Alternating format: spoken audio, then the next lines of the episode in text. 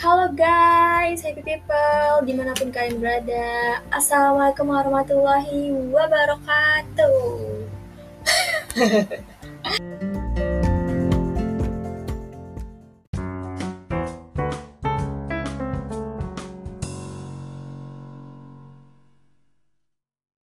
Oke, balik lagi bersama gue Anissa Putri yang paling cantik. Jadi kembali lagi kita akan masuk ke episode kedua. Di sini kita akan membahas tentang PMS. Nah sih bacanya PMS, PMS ya, itu ya. Nah tapi gue gak sendirian nih, gue ditemenin sama salah satu manusia yang tidurnya baru sama gue. Jadi ya, kita panggilkan Azahra Rahma Putri. Hai semuanya, perkenalkan nama gue Azahra Rama Putri. Jadi gue sendiri sebenarnya kembarannya Anis sih. Gue juga nggak tahu sih ini sebenarnya gue mau diajak ngapain. Yang penting kata dia sih cuman kayak ngobrol-ngobrol biasa aja gitu ya nggak Nis? Betul banget. Oke langsung aja ya. Jadi gini nih, gue tuh lagi eh ke gue sih kita kan ngomongin nggak pada gue. Jadi tuh Anis tuh banyak banget yang sering curhat gitu Ra. Kayak kalau misalnya lagi PMS nih ya termasuk diri saya sendiri pasti kan kayak ngerasa beda banget tuh. Bisa marah-marah nggak jelas. Nah dan itu sekarang kan lagi beredar juga nih bingo dari PMS gampang bete. Bener bener? Bener banget. Aku tuh kalau misalkan lagi PMS tuh kadang Anis ngomong A aja tuh udah kayak eh gila pengen banget kayak nempolin apa gitu terus pengen rebahan mulu, pengen makan yang manis, uh, marah hmm, banget nih. Iya bener banget, kayak kalau misalkan kita makan yang manis tuh kayak sakit perutnya hilang gak sih? Kalian gitu gak sih? nah, jadi moody, jadi lemes banget. Semua orang bisa kena marah ya Allah, bener banget. Nih, nunggu jerawat. Tapi sebenarnya nih ya, sebenarnya apa sih yang bikin kita tuh kalau lagi PMS tuh kayak gitu terus kenapa? Apa itu tuh bener apa enggak sih? Apa cuma sugesti kita doang gitu? Kalau menurut aku sih ya aku sih uh, belum terlalu paham banget. Cuman uh, menurut aku uh, PMS itu kan uh, akibat peluruhan dinding rahim. Asik. jadi kalau menurut aku tuh karena uh, dinding rahim kita luruh atau kayak karena tidak dibuahi jadinya luruh gitu. Makanya badan-badan kita tuh jadi kayak ke bawah hormonnya gitu. Jadi kayak apa? Kayak kayak gimana gitu. Jadi iya, kayak kayak kayak kayak, kayak gitu ya. Uh, badan tuh berasa digebukin ya nggak sih? Iya benar gitu. banget. Oke okay, guys. Jadi nih ya uh, aku kasih tahu sedikit nih dari informasi dari mkemarin.com alasan kenapa cewek itu kalau misalnya lagi PMS atau dari menstruasi itu sensitif. Yang pertama itu karena menurunnya serotonin. Jadi serotonin itu salah satu hormon yang ada di tubuh kita. Nah, ini tuh mempengaruhi kerja otak. Jadi, hormon ini bisa mengakibatkan datangnya rasa depresi, terus cepat marah, terus juga pengen makan. Jadi tingginya keinginan untuk mengkonsumsi karbohidrat. Terus udah gitu bisa juga karena hormon yang turun naik. Nah, hormon yang turun naik ini di sini ditulis adalah hormon estrogen yang punya peran penting untuk reproduksi wanita. Jadi itu juga bisa mempengaruhi suasana hati. Gimana, Ra? Coba, ah, mau kasih kayak pesan dan pesan gitu untuk para laki-laki yang nggak percaya kalau ini tuh beneran dirasain sama wanita gitu. Eh, jadi buat lo semua ya, buat para cowok yang lagi dengerin podcast ini yang punya cewek gitu. Kalau misalkan ceweknya lagi uh, datang bulan kalau bisa dibaikin deh. Terus kalau misalkan cewek lo lagi pada apa namanya lagi pada berpendapat mendingan lo tuh setuju. Lo jangan pernah kontra dengan apa yang dia pikirkan. Karena sekalinya lu kontra atau kalian ngasih pendapat udah deh. Bisa-bisa. Dari hati banget ya buat itu siapa ya maaf ya aku tuh ya gitu deh pokoknya kalau cewek kalian lagi uh, PMS mendingan kalian baik-baikin kalau bisa kalian kirimin makanan itu adalah senjata ampuh banget deh benar gitu gitu. Oh my god, gitu. Nih ya, jadi tuh kesel banget dulu tuh waktu SMA. Nggak tahu nih ini gue doang apa kalian juga pernah. Ini tuh teman-teman lakinya nih, kan kalau udah di sekolah nih bingung kan mau ngapain. Kalau di rumah mungkin bisa guling-gulingan, bisa meluk-guling, bisa mungkin bisa kayak gungkir balik dan lain. Tapi kalau di sekolah kayak oh my god, gue bisa apa gitu. Ini tuh sakit banget perutnya. Terus kayak ngerasain gak sih kayak lu tuh nih maaf ya pengen boker nih tapi lu tuh nggak bisa ngapa-ngapain kayak sakitnya tuh gak gak keras gak bisa dihilangin gitu kan Iya bener banget dan kalian harus tahu ya. Jadi itu setiap wanita kekuatannya beda-beda. Ada yang uh, temen gue kalau lagi PMS itu uh, pasti pingsan hmm. sampai pingsan gitu dan bahkan ada orang kayak uh, karena PMS dia nggak masuk kuliah atau nggak masuk kerja karena PMS doang. Kalian bisa bayangin betapa sakitnya itu PMS gitu. iya dulu nih ya temen Anis tuh ada yang ngomong kayak gini lah kayak apaan sih lebay banget dah emang sakit apa? Oh my god. Gue lagi nahan sakit. Tiba-tiba tuh cowok dengan enaknya ngomong kayak gitu. Aduh udah pengen nempong aja tuh rasanya kan. Kayak heh pengen hmm, ini di kupingan nih ya deket kupingan nih. Kayak pengen heh neng istighfar neng gitu. Iya Stephen Neng, Stephen bro. Oke, gitu. Jadi ternyata bener ya kenapa cewek-cewek itu tuh emosinya tuh kurang stabil banget kalau misalnya lagi PMS, PMS atau menstruasi. Kalau PMS itu kan sebenarnya pre-menstruasi sindrom ya. Jadi itu sebelum PMS-nya gitu. Jadi ada beberapa temen gue justru yang lebih macannya gitu sekitar dua minggu sebelum mens gitu, sebelum haid. Jadi dua minggu sebelum haid nih, uh keluar tuh singanya. nah bisa kayak gitu. Jadi bisa PMS, bisa menstruasi, bisa pokoknya waktu-waktu itu adalah waktu-waktu yang menyebabkan wanita bisa menjadi sensitif. Ini bukan bohong-bohongan ya guys, bukan cewek lebay alay. Iya bener banget. Tapi ngomong-ngomong tentang PMS, kan suka ada tunis yang kayak ngomongin, eh katanya kalau lagi PMS nggak boleh keramas, nggak boleh potong kuku. Itu tuh gimana sih sebenarnya? Oke, jadi kalau menurut Anis pribadi ya, kalau misalnya keramas tuh kayaknya sih uh, sebenarnya kayaknya kembali mitos ya, mitos sama fakta. kayak sih mitos karena uh, gini, masa iya kita menstruasi nih tujuh hari, kita keramas tujuh hari kita nggak selalu tuh jadi berturut-turut ya Allah. Tadi tuh Tommy udah numpuk banget udah bikin udah bikin kos-kosan ke Tommy. Iya bener banget. nah masalah nggak nggak ini banget kan nggak beta banget. Terus jadi kalau menurut Andi sih ini mitos. Kalau menurut Andi gimana?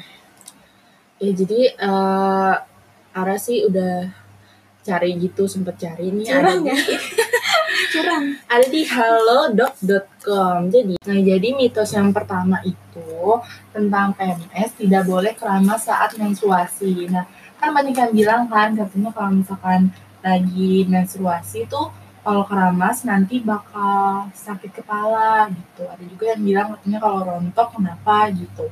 Nah sebenarnya kita sakit kepala itu bukan karena lagi PMS, bukan dikarenakan oleh menstruasi, tapi karena memang eh, kitanya sedang eh, tidak fit badannya gitu. Jadi kita justru karena PMS perlu mencuci rambut agar kepala kita tuh sama rambut kita bersih. Karena kan kalau lagi menstruasi kan darah kotornya keluar gitu nis oke.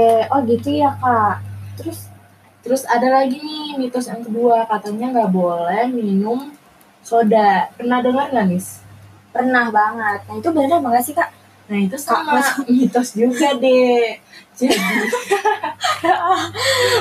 jadi itu mitos juga deh itu tuh katanya kan kalau misalkan minum soda itu dapat melancarkan menstruasi. Nah itu sebenarnya mitos. Faktanya sebuah penelitian mematahkan mitos ini dan menunjukkan bahwa tidak ada hubungannya antara minuman bersoda dengan kelancaran menstruasi.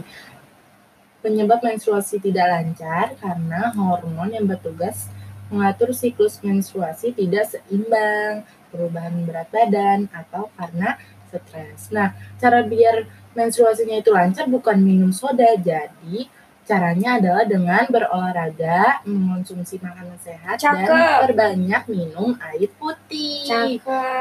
Gitu, Bo. Lagi, Bo. Kasih tahu, Bo. Nah, ini aku nih, yang potong kuku ada nggak? Em, potong kuku itu sama kayak keramas sih. Oh, bersama nih. Justru kita karena eh, darah kotornya lagi keluar itu kan kayak membersihkan diri kita. Jadi saat membersihkan diri kita, kita juga harus membersihkan diri kita yang di dalam maupun juga yang di luar seperti keramas, dinding kuku gitu. Jadi kalau misalkan tapi kalau misalkan kepercayaan mereka misalnya nggak boleh dinding kuku atau keramas, kita juga nggak memaksakan ya Nis ya. Betul banget, karena ini sesuai dengan kepercayaan yang dianut masing-masing. Ini juga kita belum tahu banget ya, Raya. Maksudnya kan kayak cuma sharing-sharing aja gitu. Cuma mungkin uh, ini lebih ke supaya teman-teman tuh tahu kalau emang ini yang dirasain wanita gitu. Dan untuk para wanita juga bisa lebih melakukan pola hidup sehat mungkin ya. Nggak cuma pas menstruasi, tapi juga pas hari-hari rutin biasa. udah sih itu aja menurut aku mitos-mitos kayak misalnya nggak boleh minum air dingin itu juga sama sebenarnya boleh-boleh aja kok menurut aku menurut penelitian juga ada beberapa yang bilang kalau minum air dingin sama kayak minum air soda tadi. Jadi kayak eh, boleh-boleh aja asalkan kalian rutin olahraga misalnya menjaga pola hidup yang sehat pola makan yang sehat gitu. Terus apalagi nih? Terus habis itu sebenarnya sebenarnya sebenarnya sebenarnya apa sih tadi? Lupa kan.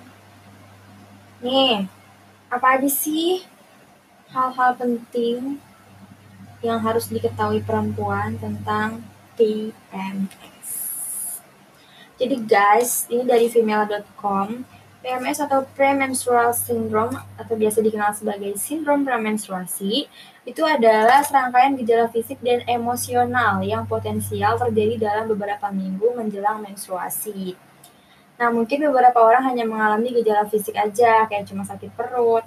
Tapi yang tadi sudah kita bahas, ternyata beberapa orang lainnya juga banyak yang mengalami masalah emosional atau mental, seperti depresi.